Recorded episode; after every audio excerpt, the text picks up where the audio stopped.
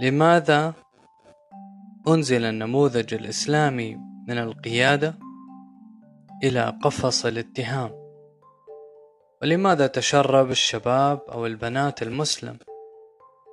فكرة الغلو في قيمة الحضارة والعمارة والنهضة والتقدم بتعريفاتها المادية. لنفهم أولا أصول الأشياء. ولماذا حدث ذلك؟ أشار الإمام ابن تيمية في ملاحظة مبدعة إلى دور استكشاف الكليات والمبادئ التاريخية في الاستيعاب والاطمئنان العلمي. يقول فإن معرفة أصول الأشياء ومبادئها من أعظم العلوم نفعا إذا المرء لم يحط علما بحقائق الأشياء التي يحتاج إليها يبقى في قلبه حسكة ويقول في سياق آخر من لم يعرف أسباب المقالات وإن كانت باطلة لم يتمكن من مداواة أصحابها وإزالة شبهاتهم. الواقع أن المراقبين والنقاد طرحوا تفسيرات كثيرة لظاهرة الانقلاب المعياري ومحاولات متعددة لاستكشاف النواة الجوهرية التي انبثقت عنها تطبيقات ومواقف وأحداثيات الخطاب المدني المتطرف. فبعض النقاد يرى أن السبب هو الانبهار بالغرب. وفي تقدير دكتور أو الأستاذ إبراهيم السكران أن الانبهار بالغرب أحد النتائج وليس العامل الحاسم كما سيأتي توضيح ذلك. وبعض النقاد اعتقد أن الجذر الدفين في هذه الظاهرة هو العقلانية. وفي تقديري أن هذه الظاهرة ليس لديها نظرية فعليا في مصادر المعرفة بحيث تقدم ما دل عليه العقل وترد ما عارضه. بل هي تارة مع العقل وتارة مع النص وتارة مع الذوق الشخصي وتارة مع المألوف وتارة ضد هذا كله. فهي تدور مع المنتج الحضاري الجديد بغض النظر عن علاقته بمصادر المعرفة. وأعتقد أن تكوين منظومة عقلانية متماسكة أكبر بكثير من قدرات هذه الظاهرة وكتابها أساسا. والبعض الآخر أعتقد أن هذه الظاهرة هي امتداد تاريخي لمدرسة المعتزلة. والواقع أن هذا التفسير قد أبعد النجعة كثيرا. فمدرسة المعتزلة هي مدرسة دينية متزمتة أخرجت الفساق من الإسلام وشرعت للمنابذ المسلحة لأئمة الجور. وناظرت الفلسفة الإغريقية بنفس أدواتها ووصفهم كثير من المحققين في علم الفرق بأنهم أصحاب إرادات أي أصحاب نسك وعبادة. وكان لديهم نتاج عقلاني منظم وإنما سبب زيغهم هو غلوهم في التنقير بالعقول في الغيبيات وتقديمها على مضامين المرويات. حتى نتجت عن ذلك أصولهم الخمسة المعروفة لا لأنهم أعرضوا عن الشرائع العملية وانبهروا بأمة من أمم الكفر المعتزلة مدرسة غلو لا مدرسة تساهل بل إن المعتزلة أشرف بكثير من الخطاب الفرانكفوني المعاصر الذي يحاول الوصول إلى تناقضات داخلية من داخل التراث الإسلامي بهدف تحييد الوحي جملة عن الحياة العامة. إذا ما تفسير هذا الانقلاب المعياري؟ بحسب بحث الأستاذ إبراهيم السكران وفي تقديره الشخصي فالذي يظهر له أن النواة الخفية التي انطلقت منها كل هذه التحولات الجذرية والحادة في المواقف والرؤى هي المغالاة في قيمة المدنية والحضارة بتعريفها المادي فالغلو في الحضارة والمدنية الدنيوية بتعريفها المادي وتحويلها إلى القضية والأولوية وغاية الغايات هو الجذر الرئيسي الذي ابتدأت منه كل هذه الانقلابات المفاهيمية. بمعنى أن النموذج التفسيري الذي يقدم إجابة دقيقة حول تطبيقات هذه الظاهرة هو ما يمكن تسميته غائية الحضارة ومركزية المدنية بتعريفها المادي. فيمكن القول بكل اختصار إن الغلو المدني هو ينبوع الانحراف الثقافي حيث يستتبع التحييد العملي للوحي لأنه لا يدفع باتجاه المدنية الدنيوية المادية ويتعارض مع كثير من منتجاتها ويورث الاستخفاف في التراث الإسلامي لتضمنه جهاز مفاهيمي شرعي يزهد في هذه الدنيا ويربط الإنسان بالآخر. ويثمر هذا الغلو في قيمة المدنية المادية لدى صاحبه تعظيما نفسيا للثقافة الغربية الحديثة كما نشاهد اليوم مع الشباب. لتفوقها المدني المادي على غيرها من الأمم المعاصرة فيصبح مأخوذا بعرض منجزاتها ويتضايق من عرض ثغرات الثقافة الغربية ويميل لتفهمها وإعطائها معنى إيجابيا أو محايدا على الأقل وتسويغها في جنب محاسنها. فيبدأ الشاب في الابتعاد التدريجي عن العاملين للإسلام لانهماكهم بالدعوة إلى الله بما تتضمنه من تعميق الإيمان في الناس والتفقه في معاني الوحي. ويصبح أساس العلاقة مع الآخر ليس مبنيا على أساس ديني بحيث يوالي الآخر بقدر ما فيه من موالاة الوحي والقرون المفضلة وينافيه بقدر ما فيه من منافاة الوحي والقرون المفضلة. بل يصبح أساس الولاء اتجاه الآخر أساسا مدنيا ماديا مبنيا على مقدار السعي المشترك لعمارة الدنيا. بغض النظر عن حجم الانتهاكات لحمى الشريعة والفضيلة فيغتفر لصاحب المنجز المدني المادي كال businessman أو إيلون ماسك أو أيا كان أبل تسلا سواء كان مؤلفا أم اتجاها فكريا أم مجتمعا معاصرا. يغفر له كل انحرافاته الدينية وتتفهم في بحر حسناته المادية بينما ينظر بعين الامتهان إلى صاحب المنجز الشرعي سواء كان مؤلفا أم اتجاها فكريا أم مجتمعا معاصرا ما دام أنه غارق في القصور المدني المادي. سبحان الله. وحاول أن تتأمل في لوحة العزوف الدعوي الحزين المعاصر. وتتبع خيوط الارتباك الفكري الذي أصاب بعضا من شباب المجتمع المسلم اليوم. وسترى أن تلك الخيوط جميعا تلتقي عند عقدة المغالاة في قيمة المدنية والحضارة بتعريفها المادي فتصدر عنها وترتد إليها. وسرح طرفك حيث شئت. في الأطياف الفكرية التي تعج بها الحياة الحديثة وسترى أن الميسم الذي منح هذه الأطياف جميعا ألوانها المتباينة هو الموقف من الحضارة. فأخبرني ما هي الدرجة التي تحتلها قيمة الحضارة والمدنية في سلم القيم عندك؟ أخبرك أين تقع على خريطة الجبهات الفكرية المعاصرة. فنحن إذا تتبعنا تطبيقات هذا الخطاب الجديد ومواقفه وآراءه وصيغ علاقاته وأحداثيات مواقعه التي اختارها على الخريطة الفكرية. فسنتوصل حتما كما سبقت الإشارة لذلك إلى أن القيمة المركزية التي تسيطر عليه وتجعله يدعم موقفا ما أو يعارضه أو يثمن قضية ما أو يحط منها فسنجدها بكل تأكيد مركزية المدنية بمعناها المادي. وبناء على مركزية المدنية المادية فقد تحددت صيغ العلاقات مع المجتمع ومع التراث والغرب والدولة العربية الحديثة على أساس على أساس القرب والبعد من التمدن المادي. بمجرد أن يتشرب الشاب المسلم فكرة الغلو في قيمة المدنية والحضارة والعمارة والنهضة والتطور بتعريفاتها المادية فإن هرم الأولويات وخريطة القيم تنقلب عنده رأسا على عقب. فمن يرى أن الأولوية والقيمة المركزية في سلم القيم هي تشييد المدنية الدنيوية المادية فإن الثقافة الغربية في ميزانه ستكون النموذج المتفوق بينما سيكون عصر القرون المفضلة والحركة الإسلامية المعاصرة نموذج الإخفاق والفشل الذي يجب الاعتذار عنه كما يطالب بعض المسلمين للأسف الآن. أما من يرى أن الأولوية والقيمة المركزية في سلم القيم هي التزكية وتشييد المستقبل الآخروي وأن المدنية الدنيوية المادية هي مجرد وسيلة وأن التراث الإسلامي ومن بعده الحركة الإسلامية سيكونان نموذج الفرادة والتميز بينما ستكون الثقافة الغربية هي نموذج للانحطاط والتخلف.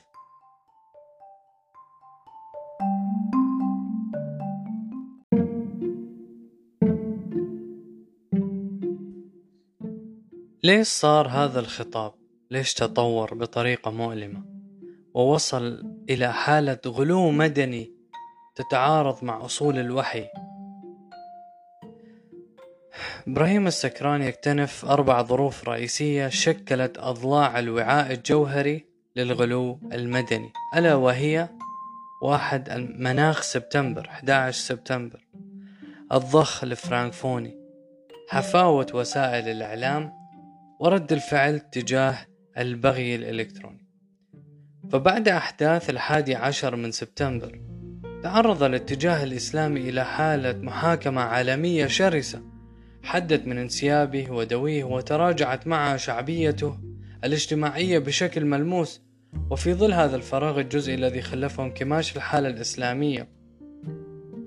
برزت أبحاث المدرسة الفرنكفونية النشطة في النطاق المغاربي كإجابة جديدة نجحت في استغلال الظرف الأمني أو السياسي الحالي وحققت اكتساحا استثنائيا في فترة قصيرة. الفرانكفونية هنا هي في الأصل مفهوم يطلق على الناطقين باللغة الفرنسية ثم اتسع استعماله بحيث أصبح التزام أيديولوجي لإشاعة وترويج اللغة والثقافة الفرنسية.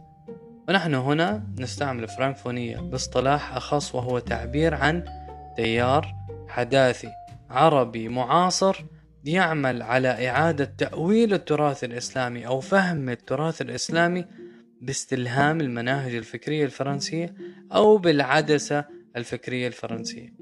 تطويع مما يعني أو بما يعني تطويع الثقافة المقروءة لصالح الثقافة القارئة. يعني تقرأ القرآن بعدسة فرنسية أو تقرأ التراث الإسلامي بعدسة أمريكية. والواقع أن كثيرا من الحداثيين العرب لا يخفون أنهم يتصفحون التراث بعدسات فرانكفونية حتى قال الجابري. الملاحظة التي أبداها أحد الزملاء حينما قال إن الإبستمولوجيا الفرنسية حاضرة أكثر فيما كتبت. فعلا هذا صحيح وهو راجع إلى عدة أسباب ذاتية وموضوعية فأما الأسباب الذاتية هي أننا في المغرب مرتبطون بالثقافة الفرنسية أكثر مما نحن مرتبطون بالثقافة الأنجلو ساكسونية هذا ما قاله الجابري وبذات الوضوح يعترف أركون أيضا بعدساته الفرانكفونية فيقول المنهجيات التي يطبقها على التراث العربي الإسلامي هي المنهجيات نفسها التي يطبقها علماء فرنسا على تراثهم اللاتيني المسيحي أو الأوروبي. تخيل يعني عندنا جابري وعندنا أركون. باعترافهم ويبدو أن هذا الرواج السريع سيكون مؤقتا ريثما يستعيد الاتجاه الإسلامي عافيته الأمنية. إذ لو كانت المدرسة الفرانكفونية تتكى على عبقرية على عبقرية أطروحتها الخاصة لكان متحفها عامرا منذ الثمانينات وليس بعد 11 سبتمبر 2001 وإنما رواجها بعد كسادها كان تبعا لزلزال الظرف السياسي السبتمبري الذي قلب توازنات, توازنات القوى رأسا على عقب وسمح لكثير من الأفكار السياسية المتشنجة أن تبتسم فوق الطاولات المستديرة. على أي حال فإن كثير من الشباب الإسلامي الذي أقبل على منتجات المدرسة الفرانكفونية في معارض الكتاب سواء للجابري أو لأركون أو غيرهم وأمام رفوف الوحدة والساقي والجمل لم ينتهي من اتهام تلك الكتابات إلا وقد تشرب المفاهيم الضمنية الحاكمة لتلك الكتابات. مهما كنت واعي الكتابة المشوهة دائما ما تؤثر على عقلك فلا تنغر. أو بمعنى آخر المنطق الداخلي لهذه الدراسات وعلى رأس تلك المفاهيم مركزية المدنية وغائية الحضارة.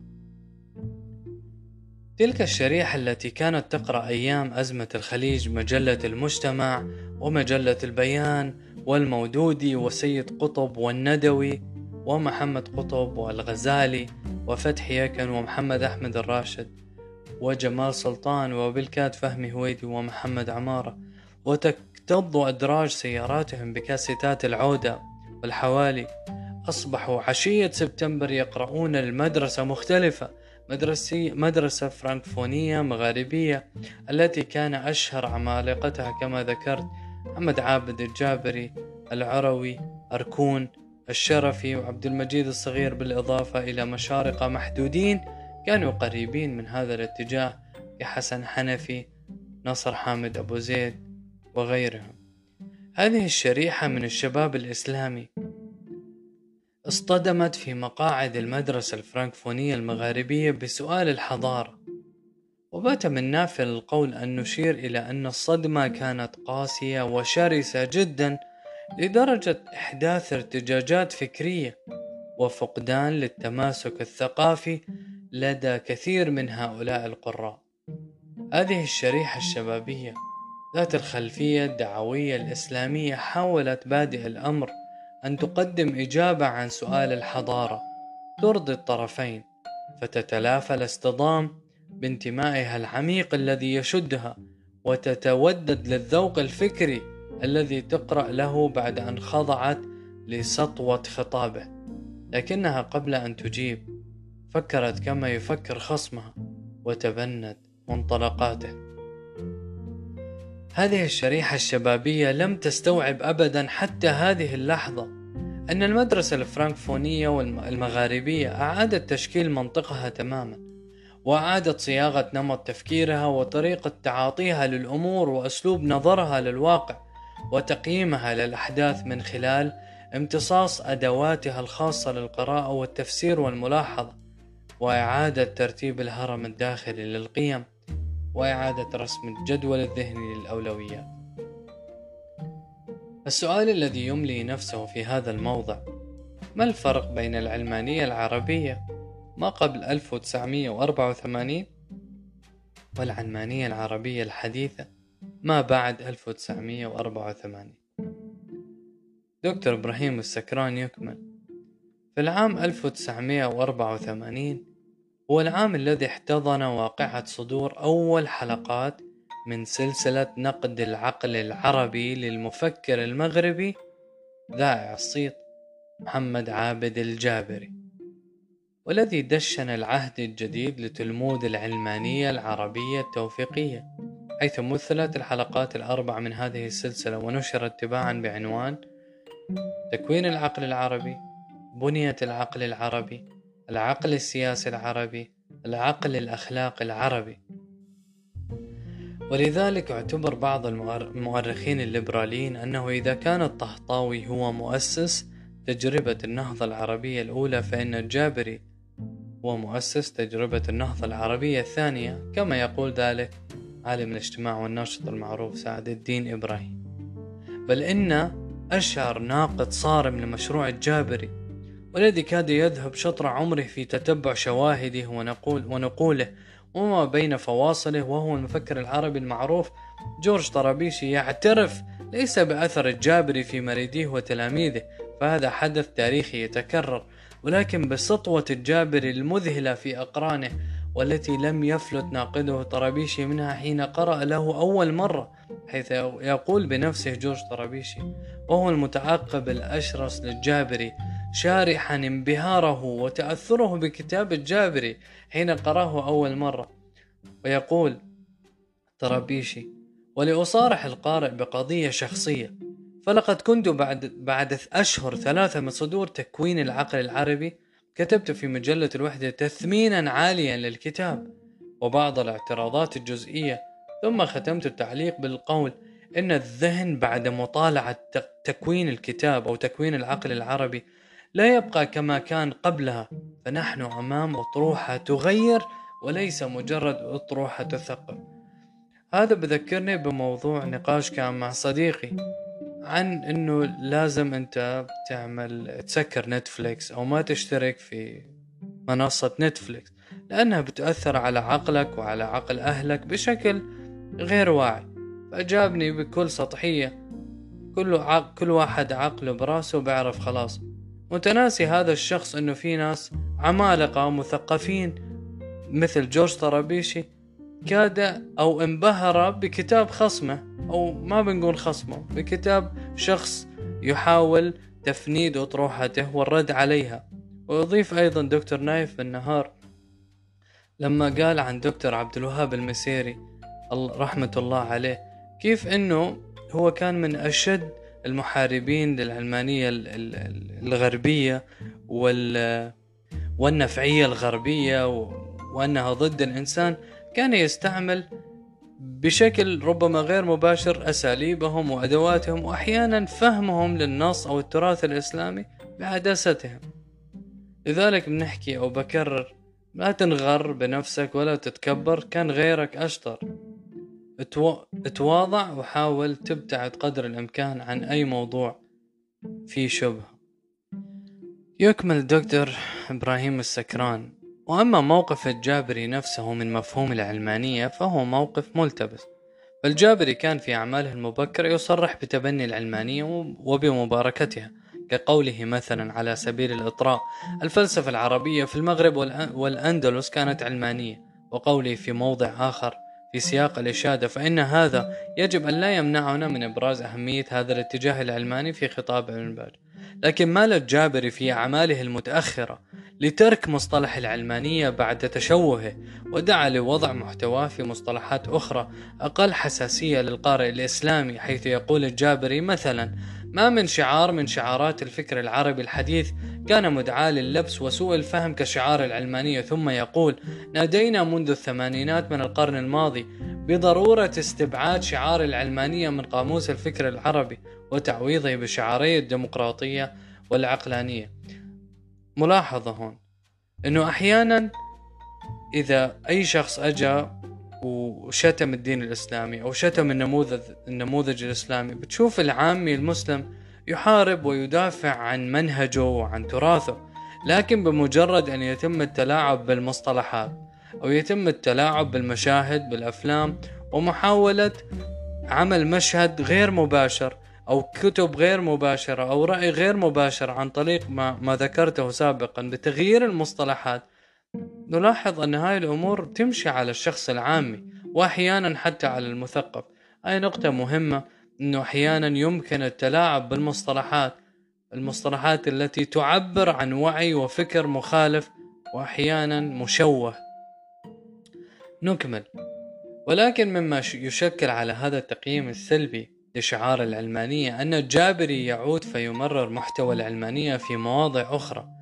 فكأنه ينتقد مصطلح العلمانية ثم يعود ويفرغ هذا النقد من محتوى حيث يقول الجابري مثلا الإسلام دين ودولة ولكنه لم يشرع للدولة كما شرع للدين. يعني وكأنه النظام آه، الإسلامي ما عمل regulation أو أنظمة للدولة هو فقط عمل للدين أو للعبادات ويكرس الفكرة العلمانية الجابري التي تقول بعدم علاقة الشريعة بنظام الحكم. فيقول ليس هناك نظام في الحكم شرع له الإسلام.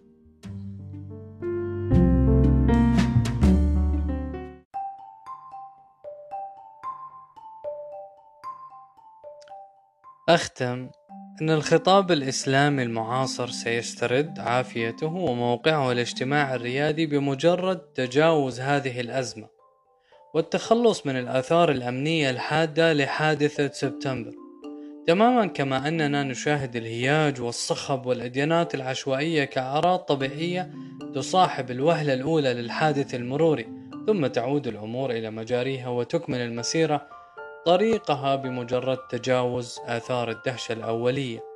وقد علمنا التاريخ دوما أن الكساد المرتبط بظروف سياسية ينتهي بنهايتها ولذلك فإن الجزيرة العربية التي ارتدت لظروف موت الرسول صلى الله عليه وسلم استعاد الخطاب الإسلامي موقعه فيها مباشرة بعد استقرار الخلافة على يد الصديق رضي الله عنه. وعلى أي حال ومهما كانت ظاهرة الغلو المدني ظاهرة مؤقتة بحكم كونها مرتبطة بخلفيات حادث أمني أو سياسي فإننا مع ذلك يجب أن نبادر إلى تحليلها وتفكيك بنيتها الداخلية والإجابة على الأسئلة التي تشغلها وتملأ بها مقالاتها الصحفية وسجالاتها الإلكترونية وتعليقاتها الفضائية. ذلك أننا نفترض أولا وقبل, وقبل كل شيء أن ثمة عوامل موضوعية منحت هذا التسا... هذه التساؤلات المشبوهة معنى معينا في لحظة تاريخية ما وعليه فلا يجوز أن نعاملها باللامبالاة الباردة. هذا كان جزء مهم من كتاب الأستاذ فرج الله أسرة. إبراهيم السكران كتاب مآلات الخطاب المدني.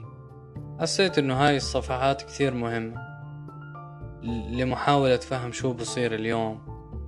من بعد على الدين ومش فقط بعد بل محاسبة الدين عن الأخطاء والفشل والتأخر الحضاري. ومحاولة إعلاء النموذج الغربي وكأنه النموذج المنقذ. كأنه شخص نزل من حافلة وراح ركب حافلة تانية فقط لمجرد تخيلوا أن الحافلة الأولى رايحة مكان غلط من دون أصلا معرفة الحافلة الثانية لوين متجهة ولا لوين رايحة. سلام.